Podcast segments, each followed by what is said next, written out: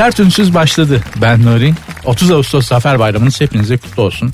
Başta Gazi Mustafa Kemal Atatürk ve silah arkadaşları olmak üzere milli mücadele ordumuzun tamamının Dumlu Pınar'da bize ebediyete kadar övünebileceğimiz büyük bir zafer ve üzerinde özgürce yaşayabileceğimiz bir ülkeden daha fazlasını bıraktığını düşünüyorum. Bir ideal, bir dayanak noktası bıraktığını düşünüyorum.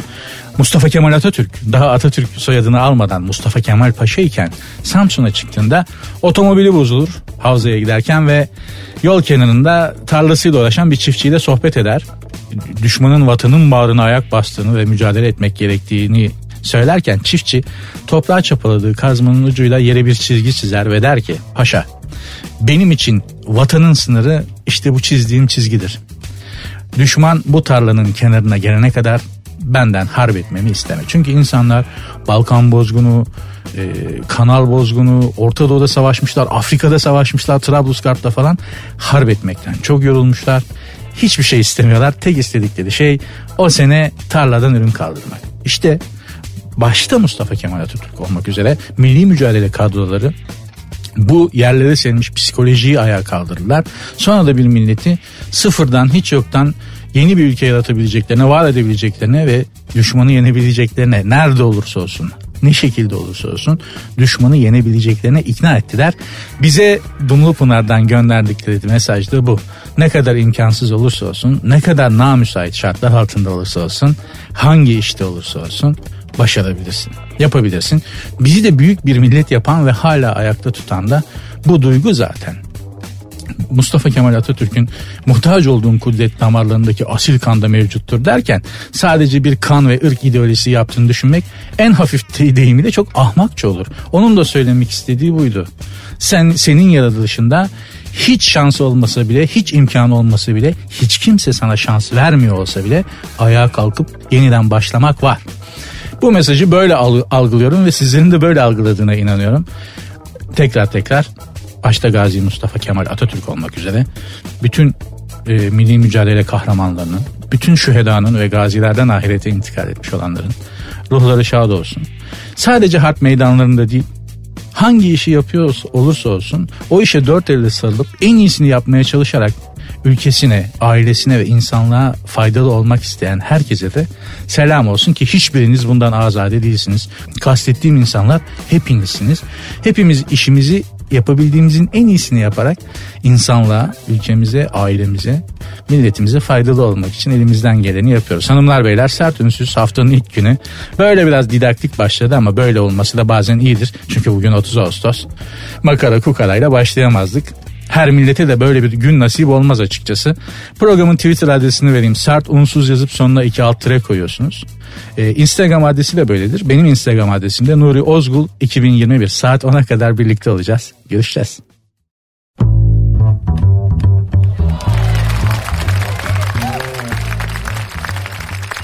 Sert ünsüz devam ediyor. İstanbul polisi yakın zamanda biliyorsunuz taksicilere operasyon yaptı. Aslında taksiciler derken hani bütün taksicilere değil de bu taksicilik mesleğinin yüz karısı olanlara yönelik bir operasyondu. Ee, daha doğrusu şöyle izah edeyim ben size. İşin içinde sen ben Türkiye Cumhuriyeti vatandaşları olsak o operasyon pek kolay yapılmazdı da zannediyorum Arap turistler falan çok mağdur oldular. Polis artık hani şikayetlerden başını alamayıp devreye girmek zorunda kaldı diye düşünüyorum. Çünkü Arap demek dolar demek. Aman dolar kaçmasın, dolar rahatsız olmasın. Mevzu bu. Senle ben, sizle ben. Türk lirasıyız anlıyor musunuz? Bizim değerimiz zaten hep ekside. Sen ben yüzyıllardır mağduruz zaten ama Araplar ama turistler ama misafirlerimiz mağdur olmasınlar. Türk misafirperverliğinin gereğini yapmış yani trafik polisimiz. Neyse taksicileri yani taksicilik mesleğini kötü niyetli olarak icra edenleri denetledi polis. Erkete yaptı müşteriymiş gibi taksileri çevirdi. Ben de bu operasyondan birkaç gün sonra Levent'ten Cerrahpaşa'ya gitmek için taksiye binmem gerekti. Tövbe, tövbe taksi yok. Yok. Yani Levent'te taksi yok. Dedim ki toplu ya olabilir. Yani yoğun bir yer, iş iş yerleri çok fazla, taksi müşterisi çok. Orada taksi olmayabilir. Çok normal. Pandemi dolayısıyla toplu taşımaya binmeyi çok ta- tercih etmememe rağmen dedim ki toplu taşımaya bineyim. Bindim Aksaray'da indim. Dedim ki bari buradan seri bir şekilde Cerrahpaşa'ya gideyim. Aksaray'daki İlerleyici Camii önünde bozdan kemerlerinin altından gelen ve Aksaray'a dönen o meydandaki kavşakta tam sağ döner yol orası bilen bilir. Orada taksiler var bir sürü sağ çekmişler. Bu arada Aksaray demişken yolu Aksaray'a düşen olursa ya da Aksaray'a yolu düşecek olanlara seslenmek isterim. Böbreklere dikkat arkadaşlar. Bakın cüzdan, cep telefonuna dikkat demiyorum. Organ nakli yapılabilecek bütün organlarınıza çok dikkat. Çok dikkat edin. Anında götürebilirler. Bak anında götürebilirler. Aksaray ya ben bir yıldır gitmiyordum. Aksaray acayip bir yer olmuş ya. Gerçekten acayip bir yer. Neyse Cerrahpaşa'ya gittim. O gitme faslını sonra anlatacağım taksici maceramı ama Cerrahpaşa'da bir adres arıyorum ve çok iyi bildiğim bir yer değil detaylı olarak sokakları. Afrikalı bir kardeş tarif etti yolu. Vallahi bak. Şu anda Cerrahpaşa Yeni Kapı tarafları Zambezi ve Masai Mara gibi. Yani demografik yapı genelde Afrikalı. Kenar süsü olarak da Iraklı, Suriyeli, Afgan o tarz var. Yani Türk, Kürt, Laz falan bunlara rastladığın zaman sanki kutuplarda vatandaşına rastlamış gibi seviniyorsun. Boynuna sarılasın geliyor. Vay abi siz nasıl geldiniz buralara falan diye böyle. Dediğim gibi Afrikalı bir kardeşe sordum adresi. Oo çok ters gelmişsin buralara yabancısın galiba abi dedi. Bana dedi. Afrika Senegal'den gelmiş bir kardeşim dedi. Doğma büyüme İstanbul çocuğu olan bana dedi. Yabancısın galiba burada abi diye. ya neyse gene konumuz o değil. Aksaray'da Laleli Camii'nin önünde taksiler yatıyor. Hava yaldırı yaldırı sıcak. Dedim bari taksiyle gideyim bir an önce. En öndeki en önde duran taksiye gittim. Dedim ki Cerrahpaşa'ya gider misin? Dedi ki bak Cik dedi. Hayır gitmem gidemem gitmeyeceğim çalışmıyorum değil. Cık, dedi adam. Yani buradan da yani diyeceğim sevgili İstanbul trafik ekipleri taksicilerden yaptığınız operasyona cevap geldi. Şöyle çok da fifi. yani hani o hep bütün taksicilerden değil. Bu mesleği art niyetli olarak yapanlardan. Bu mesleğin yüz karalarından. Bütün taksicileri tenzih ederim. Onlardan böyle bir cevap geldi size. İstanbul'un kralı taksicilerdir. Kimse onları belli kurallar çerçevesine sokamaz. Devlet baba dahil. Helal olsun size bu yollar arkadaşlar. Ha bir de şunu da söyleyeyim de gerçekten bunu çok e, gerçekten bunun altını çizerek belirtmek isterim. Bütün taksiciler böyle değil. Elbette Allah'ın gönderdiği nasibini reddetmeyen, gelen her müşteriyi kabul eden, belli bir saygı çerçevesi içerisinde olabildiğince onca stresi onca yorgunluğa rağmen olabildiğince insanlık dairesi sınırları içerisinde kalarak müşterisine hizmet veren çok kıymetli taksici arkadaşlar da var. Tanışıyoruz, görüşüyoruz. Bu mesleğin tümünü itham etmek, kötü olarak yaftalamak çok büyük günah olur ama tek tek çok iyi insanlar var aranızda ama genel fotoğrafa bakınca fotoğraf kötü. Bunda yapacak bir şey yok. Bana kızmayın yani. Ha, Cerrahpaşa'ya gider misin sırıma? diye cevap veren arkadaşlar ne oldu? Ee, şurada trafik polisi var abi şikayet ettiler sağdan soldan benim şalterler atınca. O sinirle kahkaha attım güldüm ya polise şikayet edeceğim ve polis aman aman beyefendi neredesin? Mağdur mu oldunuz diye koşarak bana bak gene bir gülmek ya şu gülme geçsin devam edeceğiz dedi.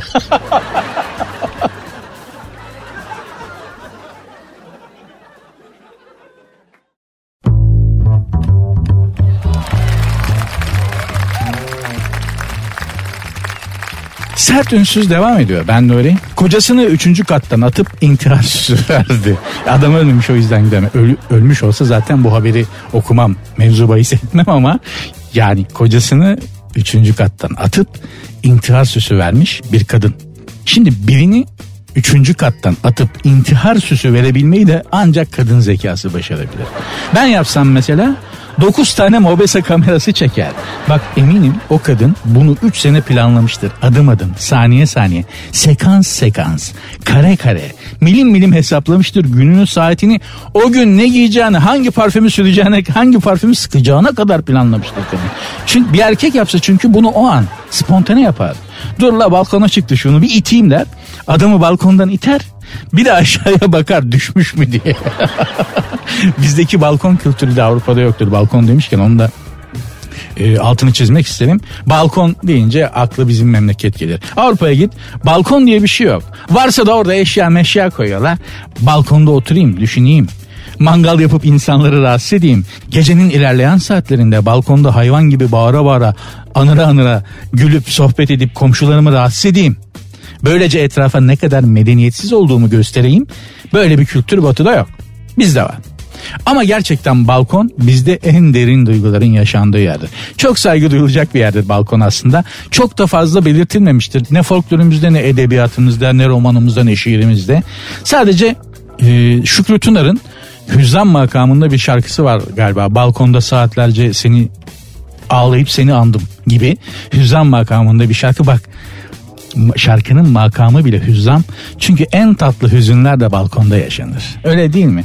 Çok bilirim ben balkonda ağladığım mesela. Neden neden ağlamak için balkona gidiyorum bilmiyorum.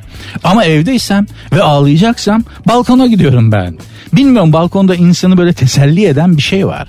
Zaman içerisinde benim gibi başka balkon ağlaklarının da olduğunu gördüm. Balkon yalnızları vardır mesela onlar başka maceradır. Bak onlar da gerçekten boş insanlar değillerdir. Balkonda oturan adam kesinlikle kesinlikle sıradan bir şey yapmıyordur. Gerçekten bir şey düşünüyordur bir tür meditasyon yapıyordur. Varoluşla, kainatla, etrafıyla akıp giden hayatla kendi dışındaki varlıkla, varoluşla bir bağlantı kuruyordur balkonda tek başına oturan insan. Dediğim gibi şarkısı bile var. Balkon çok tatlı hüzünlerin yaşandığı yerlerdir. Orada yaşananlar maalesef çok fazla dile getirilmez. Balkon yalnızlığın yeridir aslında bazen. Tek başına yaşıyorsanız özellikle.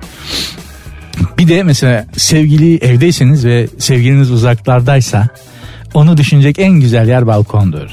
Hiçbir yer sevgiliyi düşünmek için balkon kadar güzel bir ortam sağlayamaz. Hepimiz balkonda hayal ettiğimiz hayatları yaşıyor olsaydık memlekette mutsuz insan kalmazdı. İyi ki varsın balkon.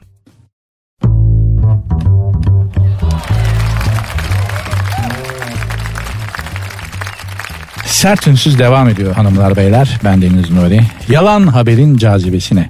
Neden yalan haberlere hemen inanıyormuşuz? Sebep analitik düşünce yeteneğine sahip olmayan, tutucu, bağnaz, düşünme tembeli insanlar yalan haberlere çok çabuk kanıyorlarmış. Bilim dünyası kısaca bize süzme salak diyor affedersiniz. Ben de müsaadenizle buradan bilim insanlarına sesleniyorum. Sen önce düzgün konuşmayı öğren abilim adamı. Yalan habere inanıyorsak sen doğruyu anlatmayı beceremediğin için önce şu egonuzdan bir sıyrılın. Biz sizin talebeniz değiliz dışarıdaki hayat, dışarıdaki mekan da üniversite amfisi değil. Üniversite, e, üniversitede egonu istediğin gibi işletirsin. Bana asistanla konuştuğun gibi konuşamazsın aga. Bak aga diyorum. Doktora tezlerinizden, doktora tezlerinizden imtihan etsek %95'inizin doçentliği yanar. O kadar söylüyorum. Öyle değil mi? Hadi öyle değilin de. Biraz ters çıktım farkındayım ama söylemek istediğim şu. Sene 2006 NTV televizyonunda Biri Bana Anlatsın adında bir televizyon programı yapılıyor. Ben de editörüyüm. Programı Beyazıt Öztürk ile Kadir Çöpdemir sunuyorlar. Konsept şöyle. Bir konu belirleniyor. O konuda saygın yetkin bir bilim adamı da konuşuyor. Aynı masada bir manken hanım da bir çöpçü de konuşuyor. Böyle bir yuvarlak masa konsepti var. İlk programın konuklarından biri de Sayın Profesör Doktor Celal Şengör. Kendisi hocamıza olan da saygıdan da ilk soruyu kendisine sordular. Sorunun ne olduğunu hatırlamıyorum. Hocam şöyle şöyle şöyle mi? Celal Şenger'den cevap. Şimdi bu konu böyle tartışılmaz. Sana ne? Sana sorduk mu nasıl tartışılacağını? Sen televizyoncu musun? Burası üniversite amfisi mi? Sorduğum soruya cevap ver hocam. Ya da ben bunu böyle konuşmak istemiyorum de stüdyoyu terk etti mi? Yok illa o akademik ego, o kibir, o ucup, o hepimizin içinde değişik volümlerde havlayan nefsi emmare denen köpek illa bir konuşacak. Hani bir söz var ya, hani bir söz var ya, cehennem ateşine en yakın olanlar alimlerdir diye. Neden? Çünkü kibir ve ego, gurur en çok onlarda var. Ya ya o şekilde gelip Yeni Kapı'da, Cerrahpaşa'da, Reşitpaşa'da bir mahalle kahvesinde konuşsa var ya çizerler. Çizerler. Nereyi çizeceklerini de şu an söyleyemiyorum. Yani siz anlayın. Ferasetinize bırakıyorum. Analitik düşünce yeteneğimiz olmadığı için yalan haberlere inanıyormuşuz. Bize analitik düşünmeyi öğrettiniz mi? Böyle mi yetiştirdiniz bizi okullarda? Hayır biz analitik düşünmeyi bilen insanlar olsaydık zaten sizler akademisyen, belediye başkanı, işte bir yerlerde baş falan olamazdınız ki. Hadi bunu da analitik olarak cevaplandırın sevgili bilim dünyası. Sert Ünsüz programın adı ben Nuri. Sert Ünsüz adını hak Sert Ünsüz adının hakkını verdim galiba biraz sert çıktım. Ama olsun ben halkı böyle kuru kalabalık olarak gören bunları da eğitmek lazım mirim falan diye bu üstten bakışa biraz gıcık oluyorum. Biraz değil epey gıcık oluyorum. Galiba programda biraz o yüzden sertleştim özür dilerim. Programın adı Sert Ünsüz. Twitter adresi Sert Ünsüz yazıp sonuna iki alt tire koyuyorsunuz. Instagram adresi de böyle. Benim Instagram adresim de Nuri Ozgul 2021. Nuri Ozgul 2021. Görüşeceğiz devam ediyoruz.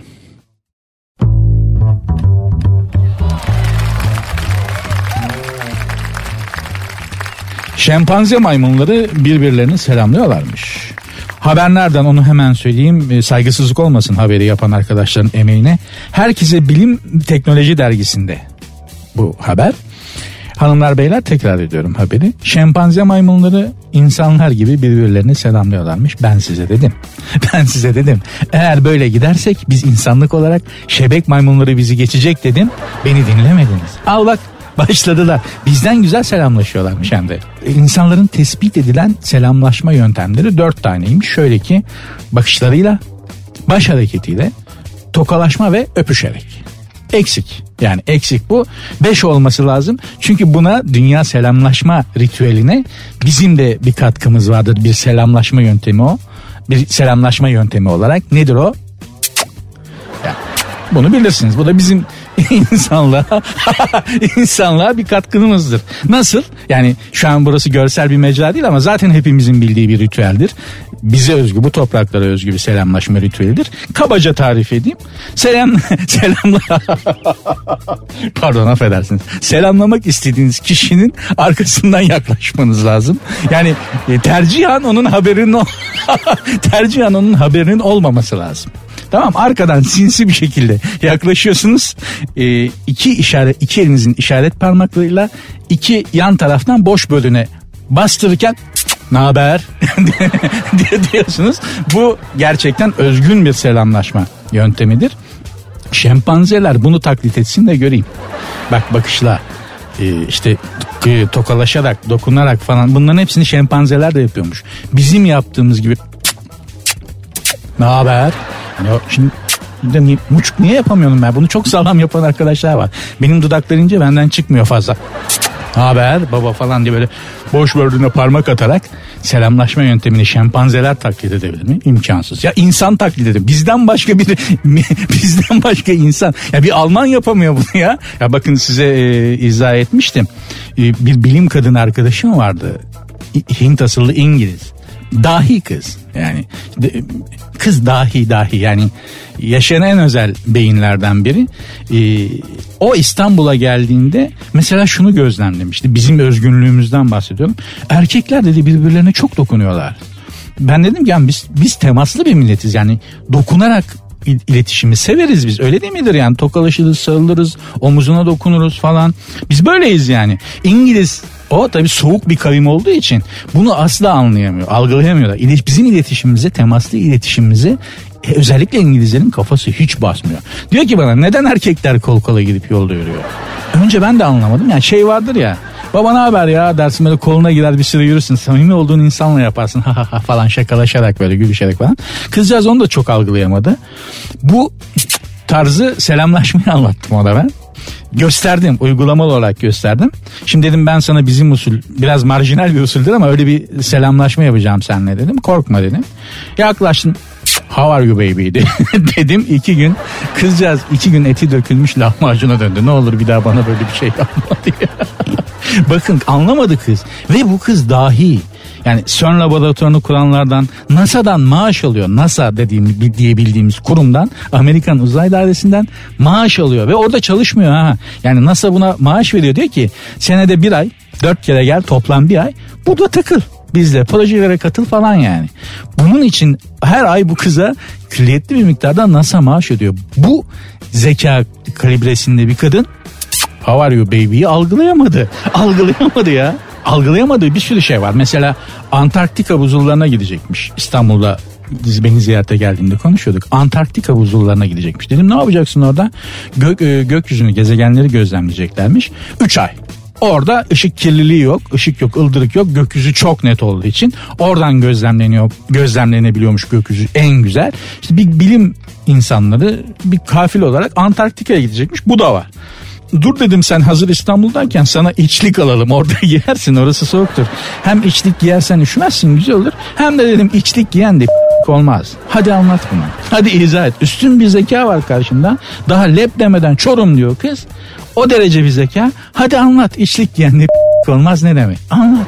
Yok. O yüzden o yüzden hani bizim dünyaya entegrasyonumuz, AB'ye entegrasyonumuz çok zor. Bizi niye almıyorlar zannediyorsunuz? Yani ekonomimiz ayak sürüyor. işte Müslümanız falan değil mi? Yok canım Avrupa'da da biz Avrupa'da bir dünya Müslüman yaşıyor yani. Bununla alakası yok. Bizim kültürümüz çok dominant. Ya içlik falan giymek zorunda kalacaklar Norveçler. Düşünsene bir Norveçliyi Danimarkalıyı tahta kaleden aldığı yün içlikle geziyor böyle alt üst falan. Oturmuyor kafanda değil mi? Onlar da bundan korkuyorlar işte. Sert ünsüz devam edecek. Programın Twitter adresini tekrar vereyim. Sert unsuz yazıp sonuna iki alt tere koyuyorsunuz. Instagram adresi de böyle. Benim Instagram adresim de Nuri Ozgul 2021.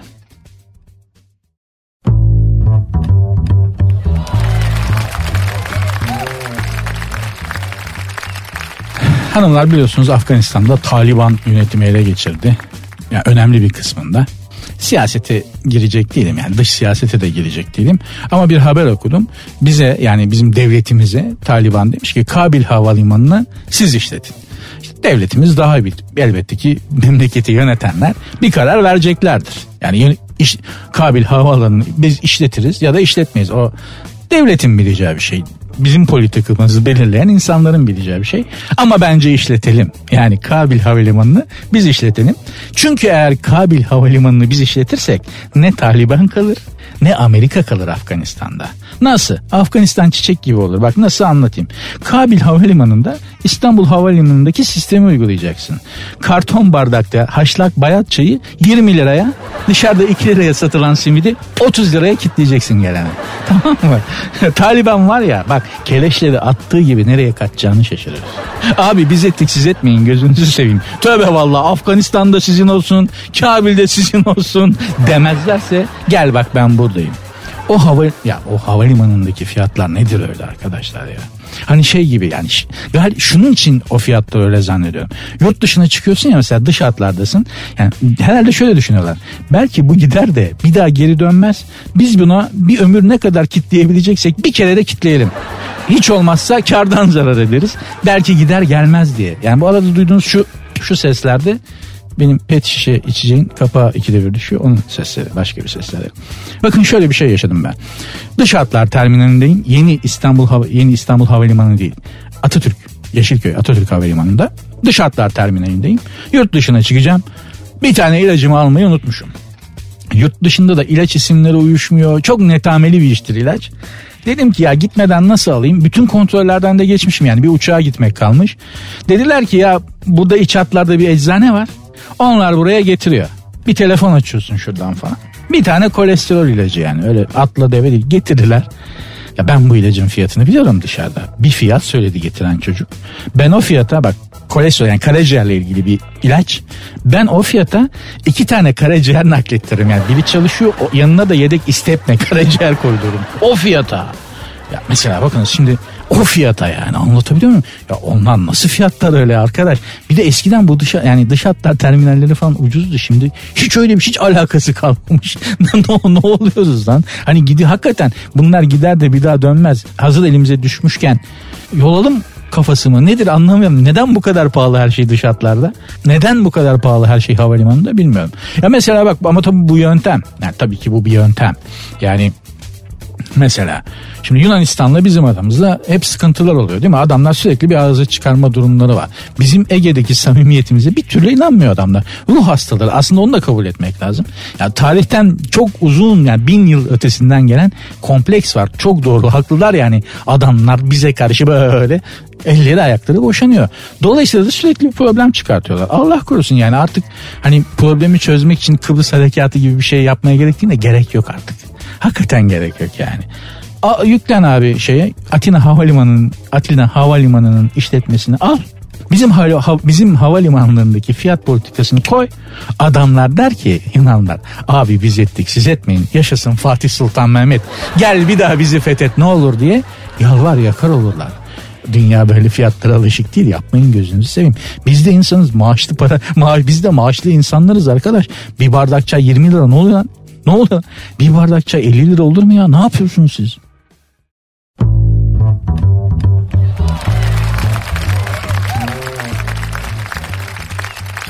Tarkan da geç aşı olanlardanmış. Tarkan işte süperstar mı? Megastar mı? Tarkan hangi star? Süperstar var, megastar var. Bir şey star daha var. İşte Tarkan onlardan biri. Bildiğimiz Tarkan. Aklı çok karışıkmış Tarkan'ın. O da geç aşı olanlardanmış.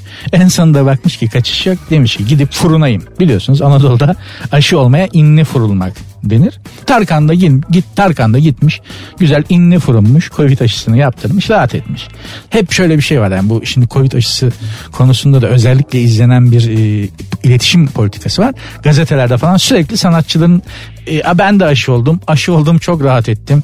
Aman herkes vurulsun falan diye böyle haberleri var sanatçıların. Nedir işte çünkü sanatçılar topluma örnek olmalıymış falan. Mesela İzzet Yıldızhan aşı oldu diye beyler koşun biz de olalım diyecek bir güruh var mıdır aramızda? Tarkan aşı olmuş benim mutlaka olmam lazım diye kolunu sıvayıp aile hekimliğinin önünde sıraya girenler var mıdır? Bak sakın diyorum sakın iş hayatım boyunca hanımlar beyler yüzlerce sanatçı tanıdım. Bana bir tane örnek alınacak sanatçı söyle desen söyleyemem. Hepsi garip huyları olan acayip insanlar.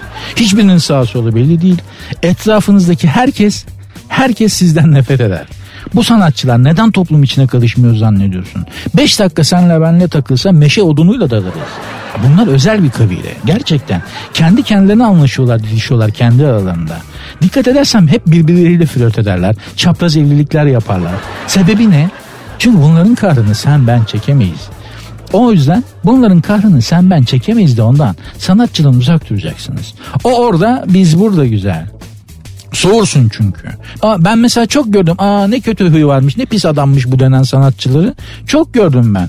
Kadın, kadın adamı yani o ünlü adamı dizideki gibi dizideki karakter gibi zannediyor. Öyle çıkmayınca da aa hiç düşündüğümüz gibi değil misiniz diyor. Gerçekten de öyledir. Bunlar da şöhret olmadan önce senin benim gibi maraba takımından insanlardı. Ama Allah yetenek vermiş. Bir şekilde aradan sıyrılmışlar.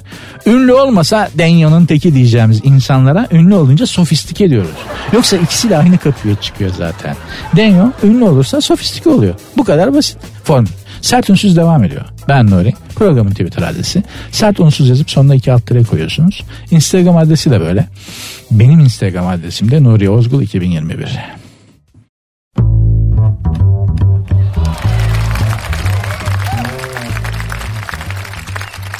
Ankara'da kükreyen aslan tartışması.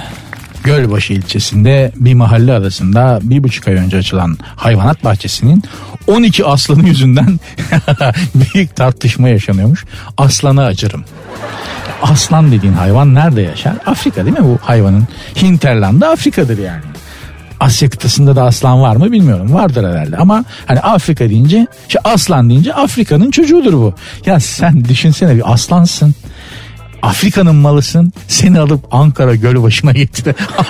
Lan beni götürseler isyan ederim Gölbaşı'na. Düşünsene ya Pursaklara falan götürdüklerini düşünsene. Sen ne bassız bir aslanmışsın be arkadaş. O 12 aslanı söylüyorum. Bu kurşun falan döktürülüyorsa bu hayvanlara döktürün bunların yıldızı düşük. Gölbaşı'nda ne işi var lan aslında? Aa iyice tuhaf. Neyse kükremelerinden uyuyamıyoruz demiş mahalleli imza topluyorlarmış ve şu, çok haklı olarak şunu sormuşlar gazetecilere. Bugün bir aslan kaçsa kim yakalayacak demişler. ya gülüyorum ama gerçekten çok doğru. Çünkü hakikaten mahalle arasında bir hayvanat bahçesi. Belli ki mahalleli de korkuyorlar. Aslan kaçsa ne yapacak diye. Çünkü kurbanda kaçan danayı yakalayamıyoruz da. Aslan kaçsa yakalayacak adamı hiç bulamayız memlekette. Ankara'yı bilemem. İstanbul'da kaçsa bak İstanbul'da kaçsa o aslan durum farklı. Bir de kesin yakalayıp o aslanı yer İstanbul'da. O olası olası Allah'ın emri o, o şaşmaz. Niye yedin lan aslanı diye sorsalar da abi ben onu bir tür koyun sandım falan derler. Çünkü Daha önce pelikanı yemişlerdi. Soyu tükenmek üzere olan özel bir pelikanı yakalayıp yemişler. Niye yediniz pelikanı diye sorduklarında da biz onu deniz tavuğu zannettik demişti adamlar. Yani İstanbul başka. İşte dedim ya Afrika bu aslanların yaşadığı yer var Afrika'da meşhur Zambezi, Masai Mara. Bu iki yer çok meşhurdur. Aslan dedim mi buralardadır yani Zambezi'dedir, Masai Mara'dadır. Bugün sen bugün yani İstanbul'dan bahsediyorum. Çünkü ben İstanbul'da geçtiği için hayatım İstanbul'un e, ah, ahalisi İstanbul'un ahalisi üzerine konuşabilirim. Yozgatlı için ahkam kesemem bilmiyorum çünkü. Bugün siz İstanbul'dan iki insanı alın Zambezi'ye, Masai Mara'ya götürün bir grup olarak gidelim ya da İstanbul'dan. Oradaki aslanlar kaplanlar bizden korkar. Aman buralara çok vahşi bir tür geldi. Sota bir yere kaçalım da bize şimdi bir şey bulaşmasın diye tırsarlar. Bir bakın bir haber vardı bugün gazetelerde. İETT şoförü ampute iki sporcuyu dövmüş. Şimdi bu İETT şoförü İstanbul'da mı yaşamalı yoksa o aslanın kaplanın yaşadığı yer olan Zambezi'de mi Masai Mara'da mı? Hayvanı hayvanın yanına, insanı insanın yanına koyacaksın. Bizde sıkıntı oradan çıkıyor. Hayvan görünümlü insanlarla gerçek saygın Hazreti insan denen insanlar normal insanlar aynı bir arada yaşıyorlar. Ondan sonra da büyük engame büyük bir kakofoni çıkıyor. Ama yani şunu da söyleyeyim mahalle arasında da hayvanat bahçesi olmaz arkadaş nedir yani? Gerçekten olacak saçmalık değil. Gerçi mahalle arasında mahallenin tam ortasına gece kulübü açma ruhsatı veren mahalle arasında hayvanat bahçesi ruhsatı mı vermeyecek? Neden vermesin? Vergini, rüsumunu, harcını ödedikten sonra istediğin yere istediğini açarsın bizim memleketimizde. Ve size bir şey söyleyeyim mahalleli imza topluyor işte bu hayvanat bahçesi kapansın falan ona bir geç. O hayvanat bahçesinden aslanlar ya da timsahlardan varsa timsah biri kaçıp da birilerini yemeden o hayvanat bahçesi kapanmaz. Bizde işler böyle yürür. Bu arada aslan kükremesi de hakikaten akıl alıcı bir şeydir. Daha önce bahsetmiştim. 3,5-4 kilometre öteden duyuluyormuş. Şimdi o hayvanlar bizim ortak yanımız ne? Onlar normal ormanda yaşıyor. Biz beton ormanda yaşıyoruz. Bizim orman daha vahşi üstelik.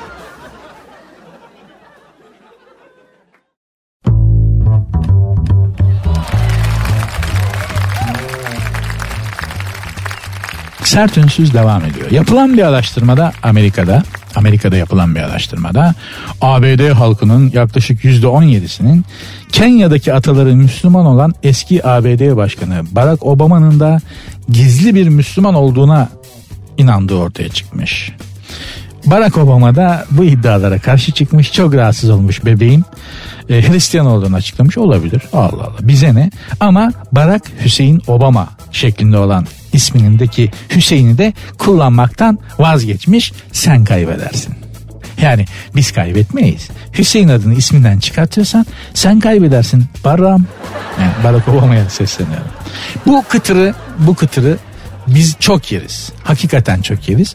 Yani mesela 2. Dünya Savaşı'nda e, Adolf Hitler gizli Müslümanmış propagandası Anadolu'da çok yapılmıştır ve çok da tutmuştur.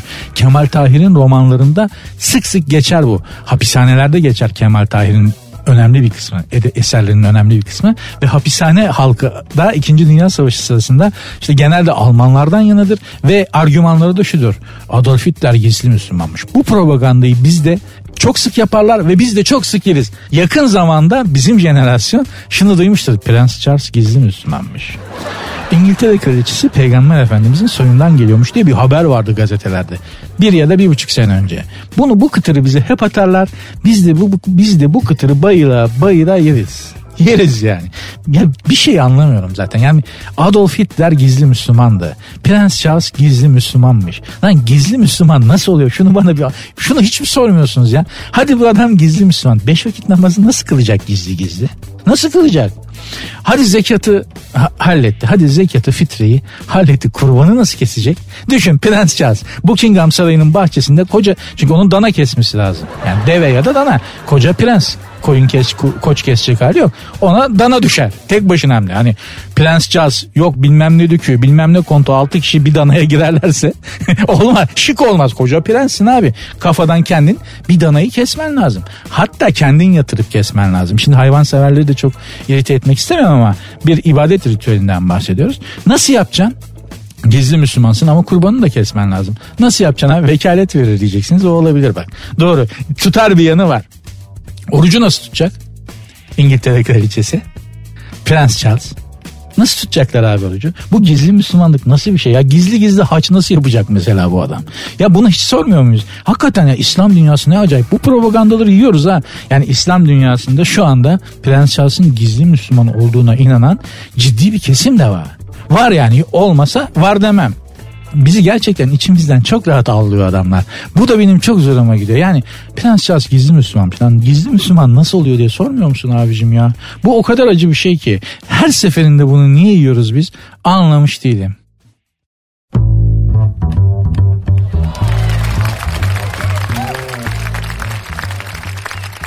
Sert Ünsüz devam ediyor. Ben Nuri. Programın Twitter adresine vermek isterim size. Sert unsuz yazıp sonuna iki alt lira koyuyorsunuz. Instagram adresi de böyle. Benim Instagram adresim de Nuri Ozgul 2021. Aslında bugünün son anonsu bu. Bu programla bu e, bu anonsla beraber programı bağlar başı yapıp kapatacağım. Ama ne olur hani kaçmayın gitmeyin. Beraber açtık beraber kapatalım dükkanı. Bana eşlik edin son anonsta. Genelde edebiyat dünyasından bir şeyler söylerim. Bir şeylerden bahsederim. Can sıkmamaya çalışarak. Çünkü ne zaman kitap tavsiye falan edilse bir programda reyting reytingleri düşer. Instagram'da canlı yayın yapıyordu Kadir Çöptemir Kadir abi. Ben de yanında bulunuyordum. Onun asistanlığını yaptığım zamanlarda. Ee, mesela bin kişi seyrediyor değil mi? Kadir abi de bir e, kitap meraklısı, edebiyat meraklısı bir entelektüel adam olarak bunu paylaşmak istiyor beğendiği kitapları işte şunları bunları. Şimdi size kitap tavsiye edeceğim. Sevdiğim kitaplar kitabı alıp tutmadan o bin kişi 600 kişiye düşüyordu ya. İnanılmaz. Arkadaş şimdi size bir mankenle beraber oldum. Sene 1989 kızda bir bacak boyu vardı diye muhabbete girse bin kişi 2000 kişi olacak. Ama yok neden böyle oluyor bilmiyorum. Ama en azından bizler gibi bu gizli kabilenin, bu hüzünlü, bu yalnız kabilenin e, mensuplarına hiç olmazsa sesleneyim. Sizler de lütfen eşlik edin. Sizler de onlardansınızdır biliyorum. Cemal Süreyya'nın bir şiiri takıldı gözüme program sırasında bu son kapanışta size ne anlatayım diye bakarken o şiirden bir kısacık bir parça okuyayım. Çok şiire uygun bir sesim yoktur ama sonra bununla ilgili bir şeyler söyleyeceğim. Öyle de vedalaşacağız bugün. Sesinde ne var biliyor musun? Söylemediğin sözcükler var. Küçücük şeyler belki ama günün bu saatinde anıt gibi dururlar. Sesinde ne var biliyor musun? Söylenmemiş sözcükler var. Hepimizin adım gibi biliyorum ki sesinde, içinde söylediklerimizden çok daha fazla söyleyemediklerimiz var. Ve diyemediklerimiz bu kadar fazla olduğu için mutsuzuz, huzursuzuz, antidepresanlar kullanıyoruz, asabiyiz, sinirliyiz, kendimize katlanamıyoruz. İçimizde diyemediğimiz bir dünya var ve o dünya kapkaranlık bir dünya. Bana bir gün e, mahkumlardan biri bir hapishanede yaşayan, hapishanede ömrünün çok önemli bir kısmını hapishanede geçirmiş ideolojisi yüzünden, inandığı ideoloji yüzünden hapishanede kalmış biri anlatmıştı. Demişti ki dünyanın en sağlıklı insanları devrimcilerdir Burada bir ideolojik propagandası yapmıyorum. Şunu söylemeye çalışıyorum. Neden dedim? Neden sağlıklılardır? Çünkü her şeyi bağıra bağıra slogan atarak içlerinde ne varsa söylerler. Dolayısıyla dedi kanser olan işte bir şey olan adam pek bulamazsın bizde gerçekten demişti. Gerçekten de hayatımın stresten en çok arınmış zamanları askerlik dönemlerinde. Çünkü her şeyi bağırarak söylüyordun askerde. Yani bağırmadığın zaman kızıyorlardı. Dolayısıyla bağıra bağıra söylediğin için ve içinde ne varsa tutmadığın için çok rahat, çok mutlu, çok huzurlu oluyordun. Diyemediklerimiz, söyleyemediklerimiz sesimizde sesimizde saklı olan söylenmemiş sözcükler önümüzdeki en büyük engellerden birisi. İnşallah hiçbiriniz ama hiçbiriniz hiç kimse bir şeyleri söyleyemeyip içine atmaz. Çünkü o içeride birikiyor, birikiyor, birikiyor ve içinizde söyleyemediklerinizden oluşmuş bir varoş oluşuyor ve onu yıkıp geçmek, onu oradan kaldırmakta gitgide daha güç oluyor. Hanımlar beyler sert ünsüz haftanın ilk gününde bugünlük bitti. Yarın inşallah tekrar görüşürüz ve umuyorum diliyorum ki sizleri kendi gerçekliğinizden kopartıp biraz başka şeyler düşündürtebilmişimdir. Programın Twitter ve Instagram adresini tekrar vermek isterim. Sert unsuz sonunda da iki alt tere var. Sert unsuz yazıp sonuna iki alt tere koyuyorsunuz. Instagram adresi de öyle. Benim Instagram adresim de Nuri Ozgul 2021. Yarın görüşmek üzere. Hoşçakalın.